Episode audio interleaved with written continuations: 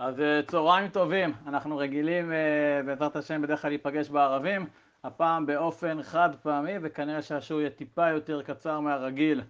אנחנו אה, נפגשים בצהריים, בשעה שתיים וחצי, שתיים שלושים ואחת, אבל בעזרת השם משבוע הבא נשוב ללמד בערבים כנראה, אלא אם כן יש שינוי מסודר, ואז ידעו על זה בכל ה... אני לא שומע? רגע. הנה. כן, אוקיי, סידרתי, תודה. אז אני, אני חוזר על הדברים, אמרתי שאנחנו בדרך כלל נפגשים בשעות הערב, הפעם באופן חד פעמי זה יהיה בשעות הצהריים, אז אני אה, מתנצל, וכרגע אנחנו ממשיכים כרגיל, אני מניח ששבוע הבא לא יעדכנו את השעות ונודיע על זה במדיה הרלוונטית. טוב, עד כאן הקדמה, אז בעזרת השם אנחנו אה, בשיעור השישי בסדרת הביאורים הפנימיים למגילת רות, אחרי שהקדשנו ארבעה שיעורים לבירור וביאור השורשים והרקע למגילת רות.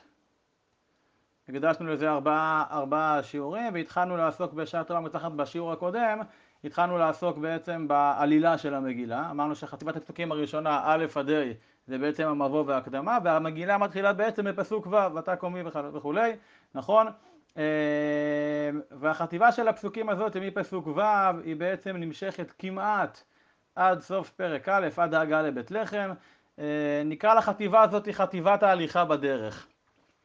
החטיבה הזאת מורכבת מכמה יחידות משנה שאפשר לראות, יש את ההליכה עד ליהודה, יש את הניסיון הראשון של נעמי לשכנע את כלותיה לשוב למואב, יש את הסירוב של הכלות של רות ועורפה, יש שוב פעם התעקשות נוספת מצד נעמי ואז את הפרידה מעורפה, שוב פעם בקשה נוספת מרות לשוב למואב וההתעקשות שלה לדבוק בנעמי ובעמה, בעם ישראל, ואז יש הליכה שקטה, שקט רועם, כן, עד בית לחם, ובאמת עיקר החטיבה הזאת זה תמלול, זה תמלול של דיאלוגים.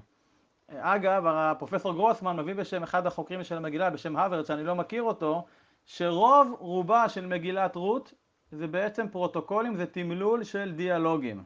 מגילת רות מונה 85 פסוקים, 56 מתוכם זה דיאלוגים. זאת אומרת 56 פסוקים מתוך 85 זה רק דיאלוגים של כל מיני אנשים במגילה.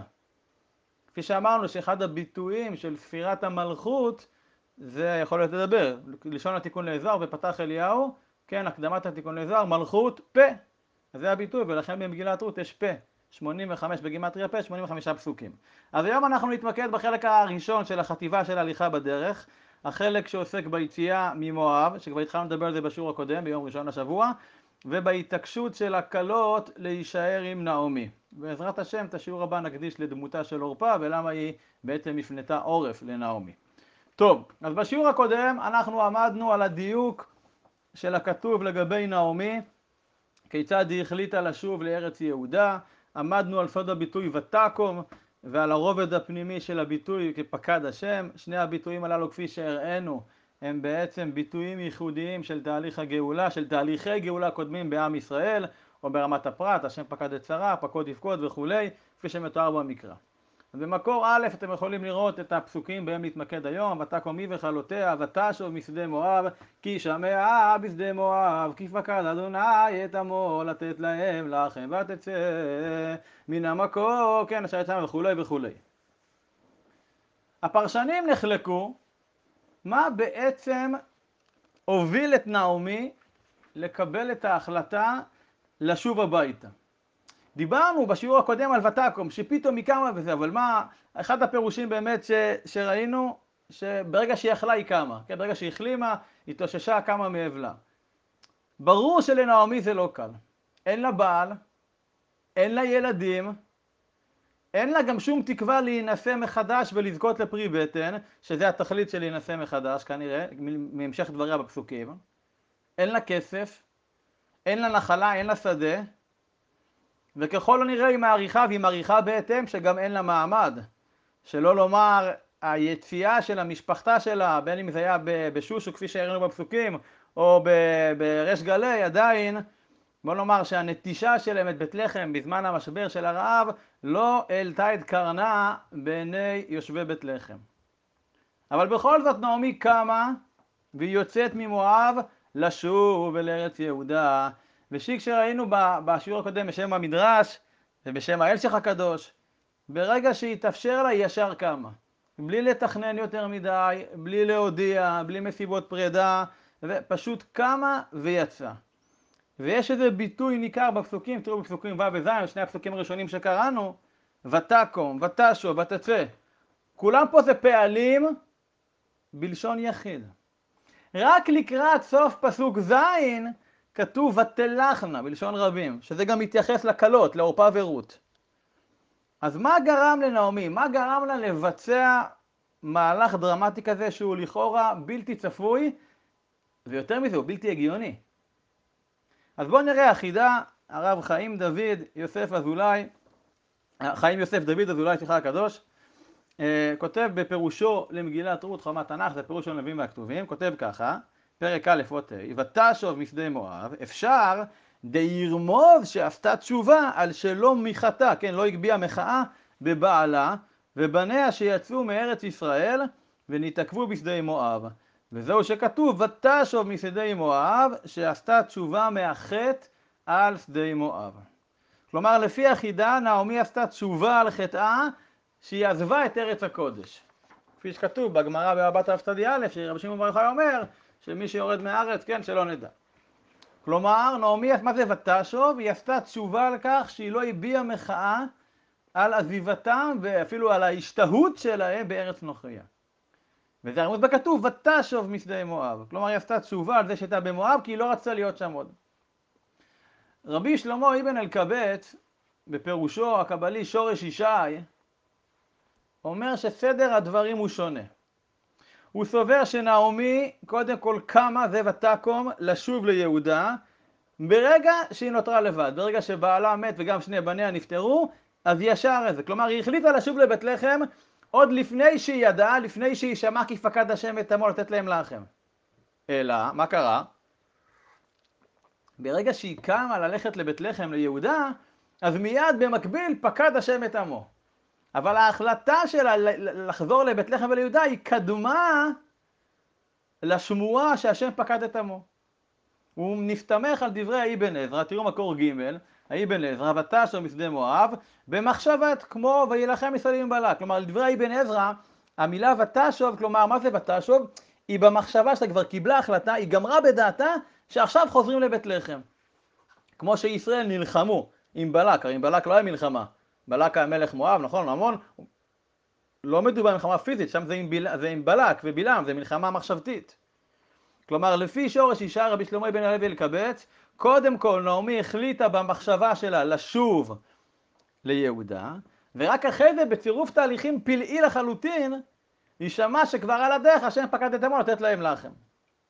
בואו נראה תירוץ נוסף, מדוע נעמי חוזרת, מחליטה לחזור לבית לחם, וזה דברי אלשך הקדוש על פסוק ו', עוד כיוון, עוד כיוון, באומרו לתת, לתת להם לחם, לומר, כי לא המתינה עד היות להם לחם כבר, רק בפקוד השם אותם, ועשה הכנה לתת להם לחם מיד, הלכה. והוא כי יקרה אחר המשך שני הרב יפקוד השם את הארץ, ויתברך זרע אדמה באדמה, וישמחו לראות כי פקד השם אותם וכי להם מזון, אף שעדיין מחוסרי לחם.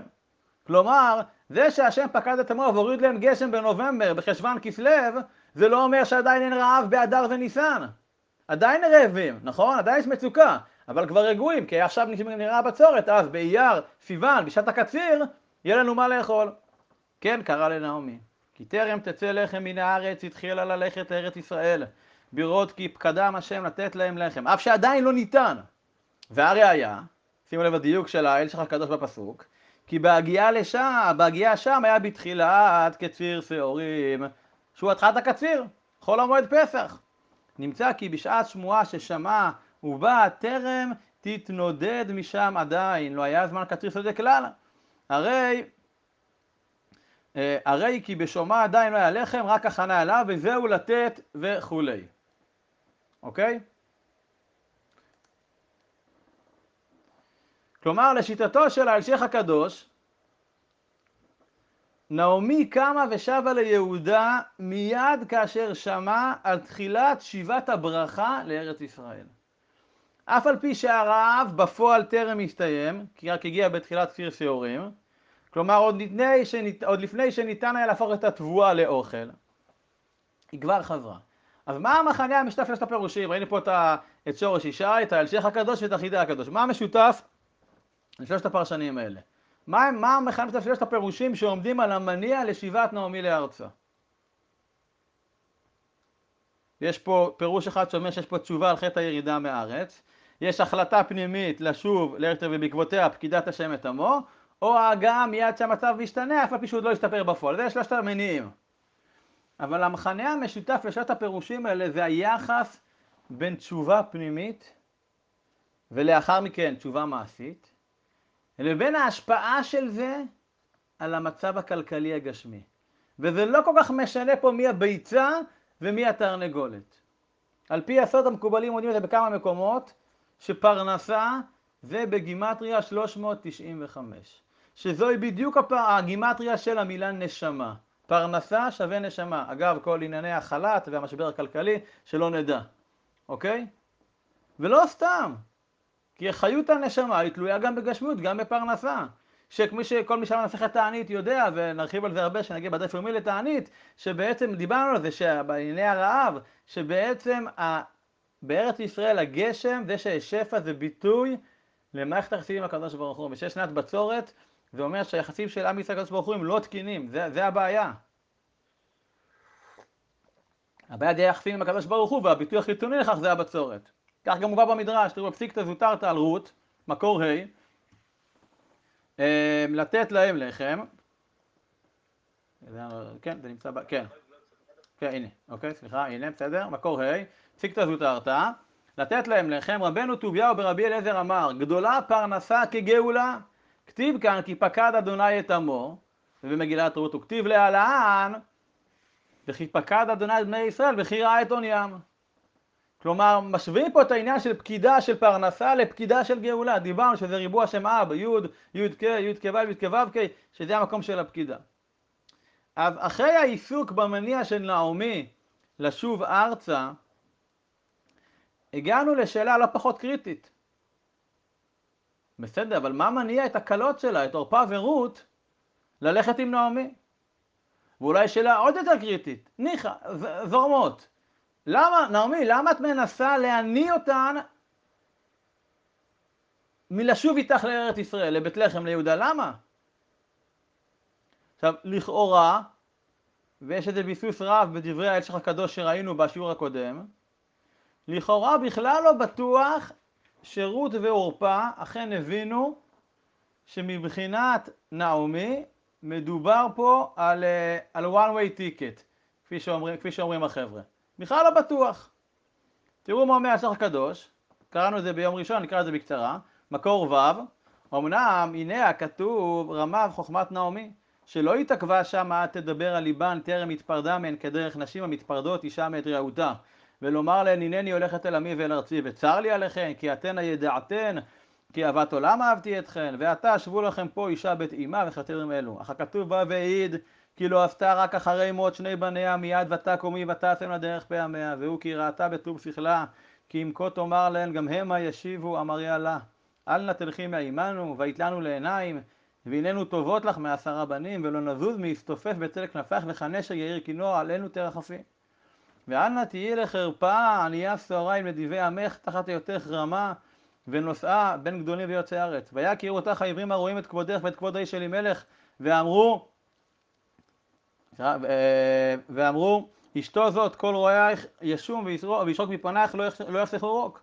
באופן כי בוא נגדול פה הנה. באופן כי במתק שפתיה כי במתק מיליהן יעקבוה יחזיקוה ולא ירפוה על כן לא הגידה את אשר בלבבה ותקום פתע פתאום ותשם לדרך פעמיה. בא להיוודע הדבר התחזיק בדרך.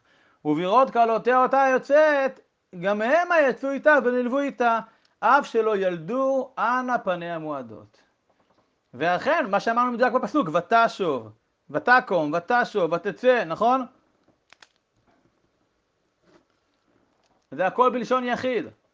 כלומר נעמי היא זאתי שקמה, נעמי זאתי היא שיוצאת, היא זאת ששבה.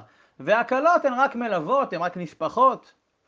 אבל אז הן מגיעות לנקודת האל חזור כמו שאומרים בלטינית, כבר חצינו את הרוביקון, אי אפשר כבר לחזור חזרה.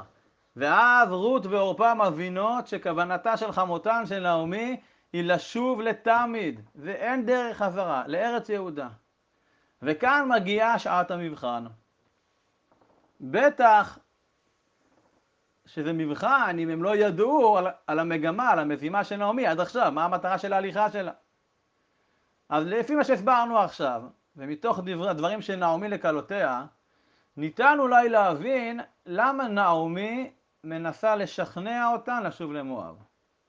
המקובל באותה עת, זה מובא במקרא, וגם בחוקים המקבילים לתורה הקדושה ולתנ"ך, אצל חוקות הגויים, שהאלמנות לא היו שוות למשפחתן, אלא נשארות בחמולה ונישאות במעגל הקרוב או הרחב יותר של משפחת הבעל הנפטר. ולכן נעמי חושדת. נעמי חושדת בקלותיה והיא מנסה לוודא איתן שהן חלילה לא מצפות ממנה לדאוג להן מבחינת חתונה או אופק משפחתי עתידי. היא אומרת להם, זה לא יקרה, אין חיה כזאת, דבר כזה לא יקרה, באמת, לא רק שזה לא יקרה, אין לי יכולת, זה לא ביכולתי. ובאמת חלק מהפרשנים מסבירים שנעמי רצתה למנוע מהן את העוגמת נפש, עוגמת נפש מאוד מאוד גדולה גם, בגלל, שה... בגלל שהן אוהביות, אז הזרות שלהן, השוני שלהן, התבלט עיני כל בבית לחם, שזה לא בדיוק הקהל האוהד כלפי נעמי שתשוב אחרי עשר שנים שעשתה להם ויברח. הזוהר החדש מסביר אחרת. לזוהר החדש, תראו במקור מקור ז', הוא מסביר שייתכן, ונעמי אומרת, מקור הצרות שלי זה מואב. אז אם אני רוצה לחזור לבית לחם לעשות תשובה, אני לא יכול לטבול ושרץ בידו. אני לא יכול לחזור עם הקלות המואביות שלי. אני יכול לחזור, ולכן אני אומר, תראו מה כתוב שרק בגללן יצאה ביד השם, תראו את דברי הזוהר, כי צר לי מאוד מכם. מה, אומר הזוהר, מה זה צר לי מאוד מכם? צר לי מאוד, עליכם היא באה אליי. כמו שאמרו בשמואל ב', כן, קינת דוד, צר לי עליך, אחי יונתן, לא עליך, עליך, לא ממך. מה היא מכם? אמר רבי קרוני, אמר רב כהנא, עקו בליבי מכם, כלומר יש לי צרה וכאב בלב מכם. דאתון גרמתון לבני דאמותו, בגללכן, כלות, רות עורפה, בגללכן, הבנים מכון וחילון מתו. כמאן דמתרעם, כמו שהוא מתרעם על אחרים. ועדיין, למרות ההצהרות, ההצהרה של נעמי, שאין ביכולתה לדאוג לרות ועורפה. למרות הטענה לפי הזוהר הקדוש, שכל הצרות שיצאה ביד השם, בהמשך קראו לה מראה נראה למה שמות קראו זה בגלל רות ועורפה. למרות הסברה המשכנעת שהן יהיו זרות, חוצניקיות, אף אחד לא יקבל אותן, גרות או שהן בכלל גרות בארץ בית לחם, בכל זאת רות ועורפה מחליטות לדבוק בנעמי. יש מפרשים שבאמת, ויש להם סימוכים בכתוב, שכחלק מתהליך התשובה של נעמי, היא רוצה להתנתק לגמרי מהעבר המואבי שלה, מהרזומה שלה בארץ נוכריה.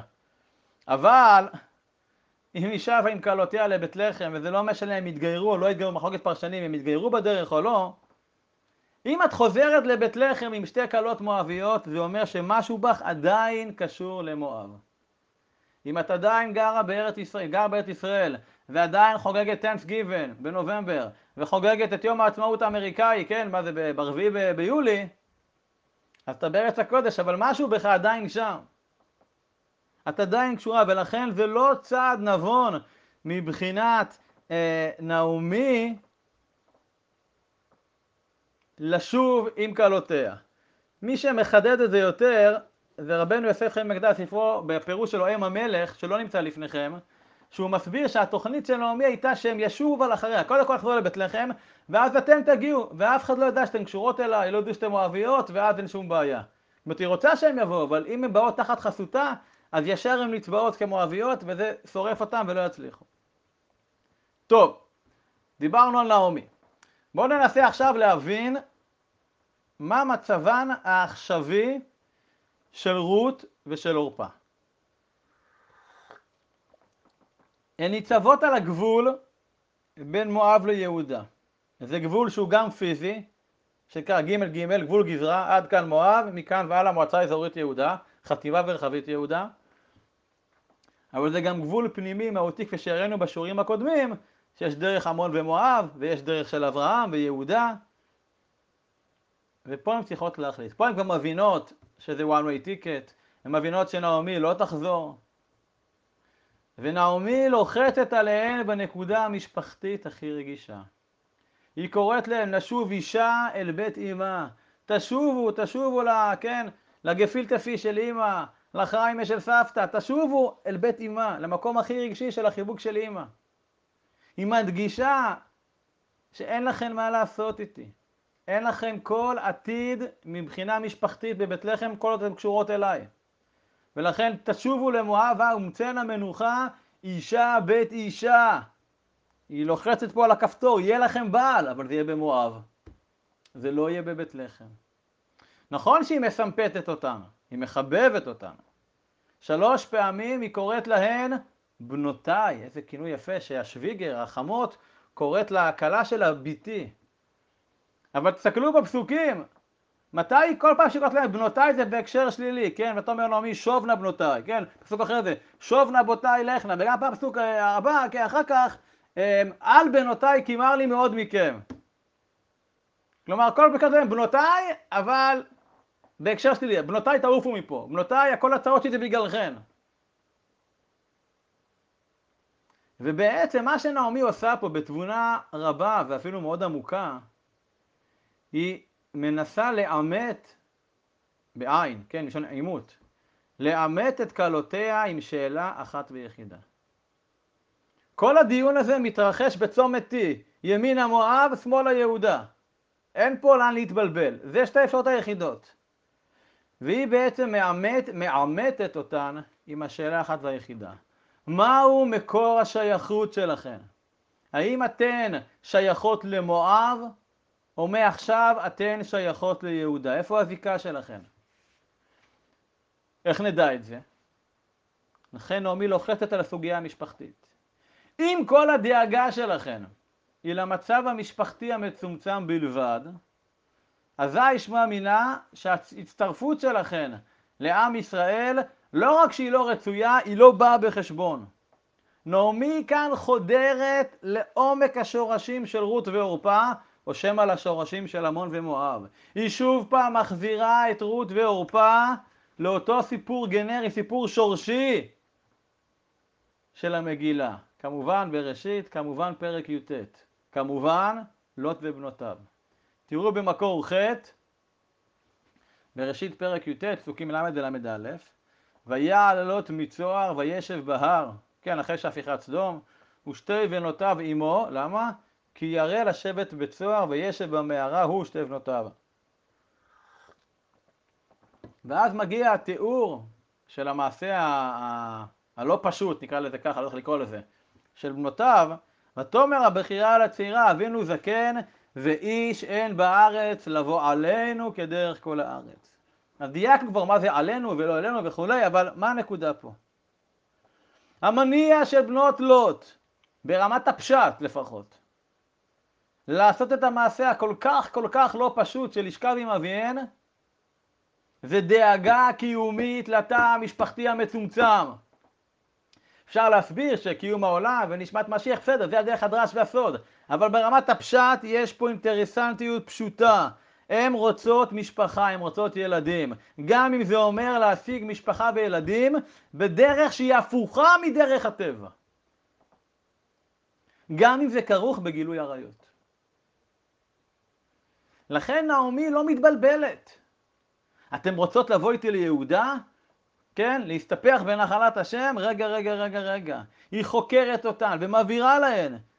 השיבה ליהודה משמעה לעיתים ויתור על הצורך המובן כל כך של הפרט. לפעמים שיבה ליהודה אומר שהדאגה לכלל ישראל קודמת לדאגה לפרט. יש עכשיו סדרה בטלוויזיה, אין לי טלוויזיה בבית, ברוך השם, אבל יש לי מחשב בבית, שזה נהדר, אז תראו ביוטיוב, לוחם 566, סדרה של שלושה פרקים מרתקת על המרגעי שלנו בדמשק אלי כהן. כבר שודרו שני פרקים, פרק שלישי שודר שבוע הבא, ממש סדרה מרתקת. ואתה לומד שם מה זה אומר להיות מרגל בארץ יעד. בסוריה. זה אומר שהדאגה שלך לכלל ישראל בכל צומת אפשרי קודמת לדאגה למשפחה, כן, לאשתו נדיה, לבנותיו אה, סופי ועירית ושי, עד כדי כך. עד כדי כך. אז זה אולי מקרה קיצון, אבל פה בשורשים של עם ישראל נעמי מבררת. האם אתן חוזרות לבית לחם ויהודה איתי כי אתן רוצות משפחה? דאגה אינטרסנטית מצומצמת לתא המשפחתי שם שלכם ילדים? או, או שאתן רוצות לכלל ישראל. גם אם זה אומר שאין לכם ילדים, אין לכם בעל, אין משפחה, כי אני לא יכול לדאוג לכם בנושא הזה, ותהיו רעבות. וזוהי בעצם תשובת המשקל של נעמי. תשובת המשקל ההליכה שלה בעקבות אלימלך בעלה למואב לפני עשר שנים שכל ישראל היו צריכים אותם. ויש מהפרשנים שעומדים באמת על הזיקה של נעמי ושתי כלותיה, שזה דומה ליציאה של לוט מסדום משתי בנותיו, בשיעור שלוש דרחבנו על זה, אבל יש לזה גם רמז קטן בפסוק ז', תראו, ותצא מן המקום אשר היית שמה ושתי חלותיה עמה, ותלכנה בדרך לשוב אל ארץ יהודה. בואו נשים לב לביטוי ושתי חלותיה עמה. הביטוי הזה, שתי חלותיה עמה, מאוד מזכיר מה שקראנו בלוט. ושתי בנותיו עמו. מיותר לציין שזה שתי ההופעות היחידות בכל התנ"ך של הצירוף שתי ועמו או עמה. רק בשני המקרים האלה, רק בלוט ובנותיו ובנעמי וכלותיה. כן, אבל זה כבר לא מפתיע אותנו, כבר בשיעור 6, נכון? טוב, אז אחרי שחידדנו את המניע של נעמי בניסיונות השכנוע שלה, שכלותיה ישובו למואב, כעת נוכל להתבונן בתשובת כלותיה, עורפה ורות, ומתוך כך ננסה לעמוד על המניע הפנימי שלהן לדבוק בנעמי. אז תכלס, מה, מה המגמה? מה המניע של רות ועורפה?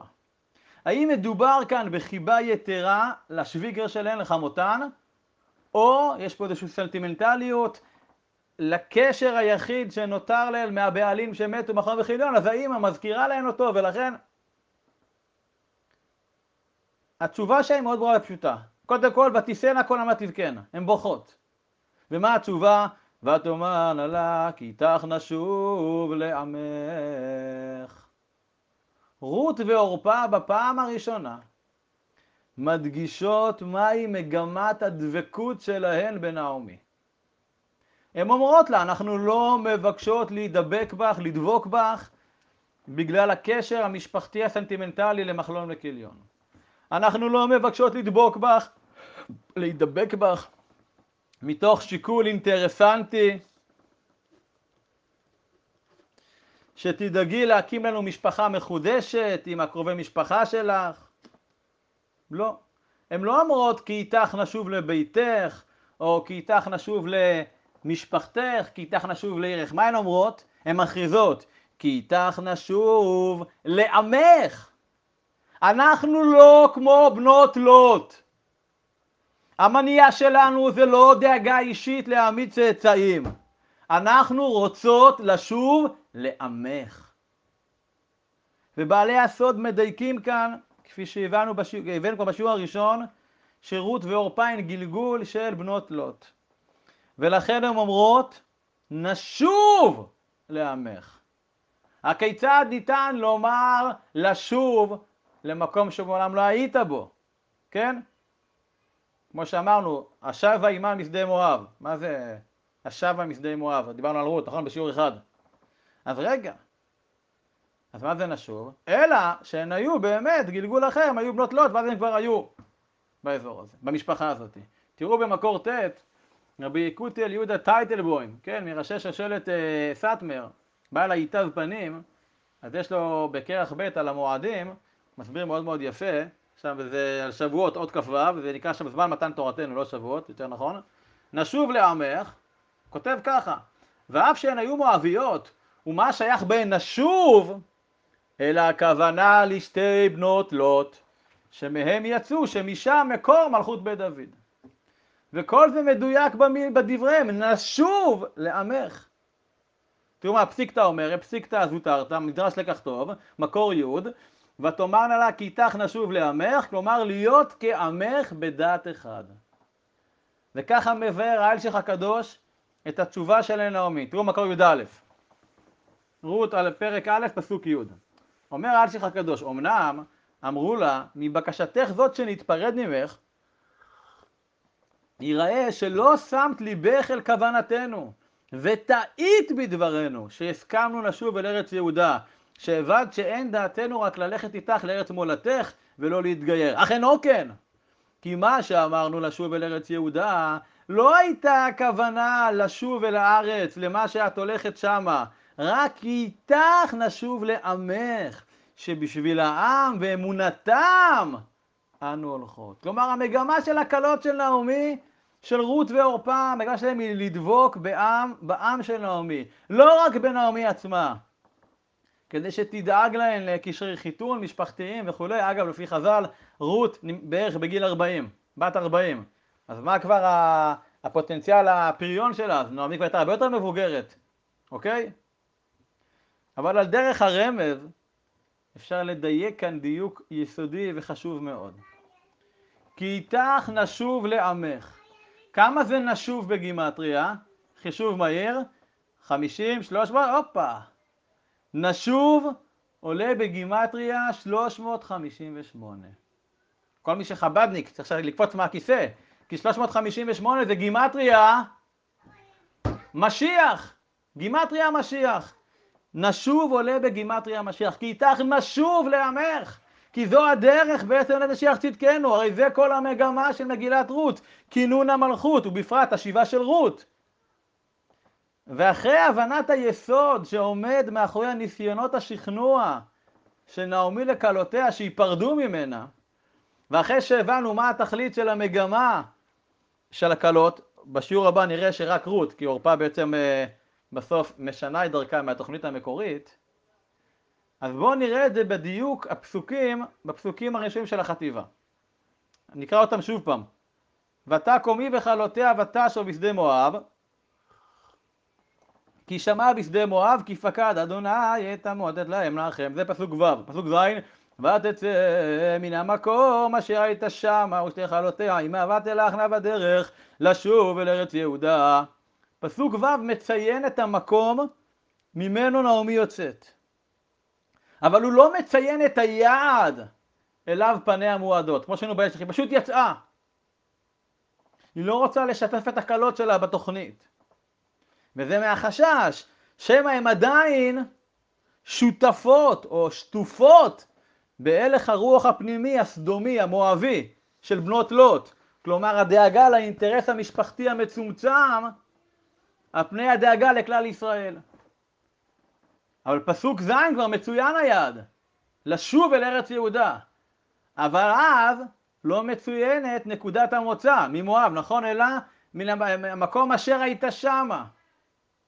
כמו הרבה ניצולי שואה, זכרם לברכה, השם מזכם וחייהם, שאני זוכר בתור ילד, איפה שגדלתי הרבה ניצולי שואה, ושם אף פעם לא אמרו אירופה, או שאמרו, אתה לא היית שם, אתה לא תבין. כשאני הייתי שמה, אז כשהם אמרו שם, שמה תמיד הכוונה לשואה, לאירופה, לדברים הקשים.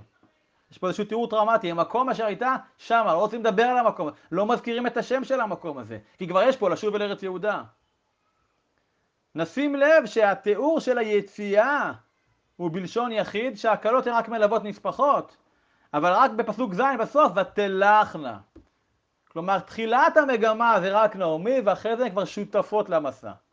אם כי הגושפנקה, החותמת הרשמית, להיותן שותפות, זה רק בתשובתן הראשונה, כי איתך נשוב לעמך. עכשיו, דיוק נוסף מצוי בפסוקים, אבל זה הדרך הסוד. ראינו לפני כמה שיעורים את הדיוק של הרד"ל, רבי דוד לוצטו, שמובא בהערות של בעל התורה התמימה, רבי ברוך לוי אפשטיין, השם ייקום דמו, שנרצח בשואה כדרך אגב, אז את הדיוק שלמה אלימלך בעצם נטש את עמו, על פי טעמי המקרא, מבית לחם יהודה, שהלחם הולך ליהודה, שהוא יצא, הוא לא רצה מאבי הבית שלו לחם לאנשי יהודה. אבל פה עכשיו נראה מתודה אחרת. פה בעלי הסוד המקובלים לומדים פה את הדיוק בכתובים לא מטעמי המקרא אלא מהקריא והכתיב. כידוע בתנ"ך ישנן הרבה מקומות של קריא וכתיב. כלומר כתוב אותיות בסדר מסוים, אבל ככה, ככה כתוב, זה הכתיב, אבל הקריא איך שמקריאים את זה, זה אחרת. עכשיו זה, אין לנו באמת הבנה למה זה ככה, אז המקובלים מסבירים שאנחנו באמת לא מבינים את זה, שזה תורה גבוהה מאוד. האדמו"ר מקומרנה, רבי יצחק קלדי קדוש חייל ספרים מקומרנה, כתב חיבור שלם שנקרא היכל הברכה. זה פירוש מלא וארוך על כל חמישה חמשי תורה, שבו הוא מפרש את כל הקריא וכתיב, כל החסרות והיתרות שבתורה, על דרך הסוד והעבודה. ממש עובר בסיזיפיות כל מילה בתורה שיש בה אות מיותרת או חסרה, יתר או חסר, קריא וכתיב, ומסביר על דרך הסוד מה הפירוש של זה. אבל לצערנו זה רק על התורה ולא על התנ"ך, על, על לא הנביאים והכתובים. אבל ניתן, ניתן דוגמה יותר מוכרת מתהילים, תהילים פרק ק' מזמור לתודה, אנחנו אומרים דו כי השם הוא אלוקים הוא עשנו ולא אנחנו, אמרו בצלם מריתו. כן, אז מה יש שם קריא וכתיב, ל"א לא, כלומר we are not, לא אנחנו, או ולא אנחנו, ל"ו, ולא אנחנו. אז מה זה, זה לא אנחנו או לא אנחנו? זה שתי בחינות שונות. אז בואו נשים לב, תראו במקור י"ב, בפסוק ח' שלנו. ותאמר נעמי אל אשתי חלותיה, כן, לך נשוב נא אישה לבית אמה, ומה כתוב אחרי זה? הכתיב זה יעשה. אבל איך קוראים? יעש השם עמכם חסד. כאשר עשיתם עם אמיתיים ועם עדי. אז כתוב יעשה, אבל כשאני קורא במגילה אני לא אומר יעשה אלא יעש, ואם אני אקרא יעשה יחזירו אותי, כי זה טעות. אז מה בין הקריא והכתיב? אחד מגדולי המקובלים במאה ה-17 היה רבי משה דוד ואלי, המכונה הרמדו, רבי משה דוד ואלי, שכתב ביאור על דרך הסוד לכל הנביאים והכתובים. יש לו גם כרך על חמש מגילות. רבי משה דוד ואלי היה תלמידו וחברו הקרוב של הרמח"ל, ואפילו היה ראש החבורה שלו של התלמידים. יש אומרים שאולי אפילו בתחילת איך הוא היה רבו של הרמח"ל ואז היה תלמידו. ובפירוש שלו על מגילת רות, הוא אומר שלא סתם נעמי, יש פה קריא וכתיב. הרי זה משפט של נעמי אומרת לקלותיה, יעשה או יעש. אומר רבי משה דוד ואלי, יעשה עולה בגימטריה שכינה, שזה 385. אבל השראת שכינה אפשרית רק ב... רק בעם ישראל. ורות ועורפה, אתן כרגע לא חלק מעם ישראל. אז היא כותבת יעשה, אבל היא אומרת להן יעש. כלומר, הוא מסביר ביושע דוד ואלי, רק בני ישראל הם בני העולם הבא. רק הם זוכים להמשך. הפסוק הבא הוא מצא למנוחה. אבל איזה מנוחה? המצא מנוחה נכונה. מה ההמשך בין מלא רחמים? תחת כנפי השכינה במעלות, נכון? מי נמצא תחת כנפי השכינה? אשר באת לחסות תחת, כן? כנפי השכינה זה רק עם ישראל. לכן נעמי בשלב הזה היא לא בטוחה בפסוק ח', היא לא בטוחה מה המגמה של רות ועורפה. אז היא רומזת להם בכתיב יעשה, גימטרי השכינה. רק תחת כנפי השכינה תמצאו מנוחה. אבל היא לא בטוחה שהן זורמות איתה, אז היא אומרת את זה יעש. ולכן זה ההבדל בין הקריב והכתיב על דרך הפנימיות. שכל ההבדל זה יעש זה בלי ה'. מה זה האות ה' בפנימיות התורה? י' כ' ו' כ', ה' אחרונה, ספירת המלכות, השכינה.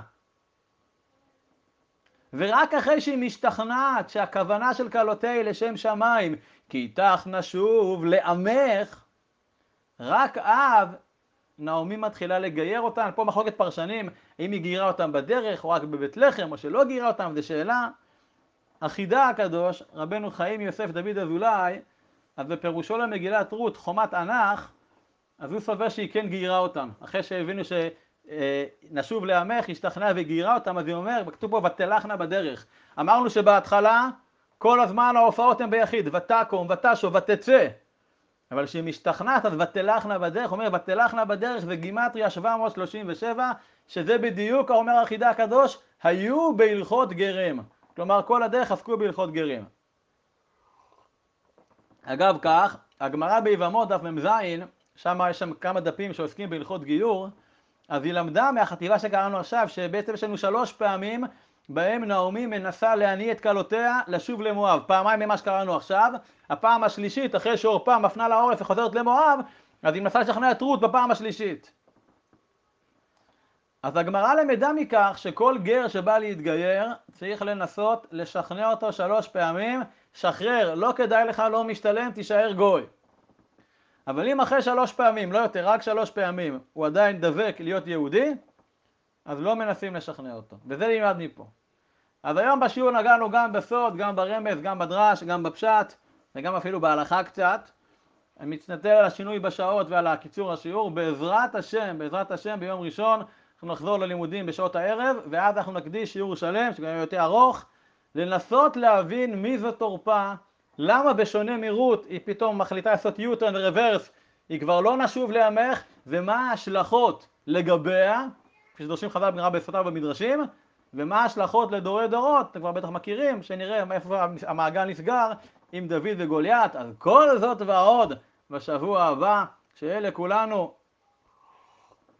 בעזרת השם סוף שבוע נעים ושבת שלום, שבת שמחה, למרות שזה בצהריים, איננו פטורים מלסיים את השיעור בחיוך, שנאמר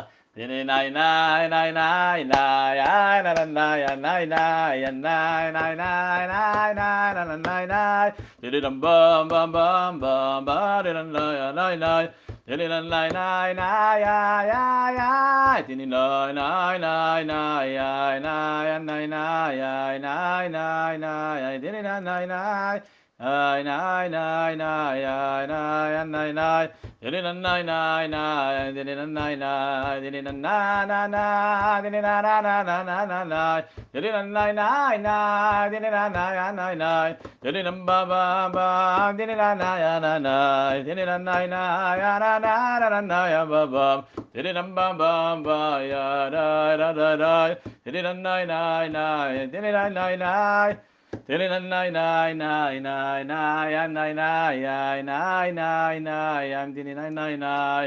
שיהיה לכולנו שבת שלום, שבת שמחה, ברוך ה' לעולם, אמן ואמן.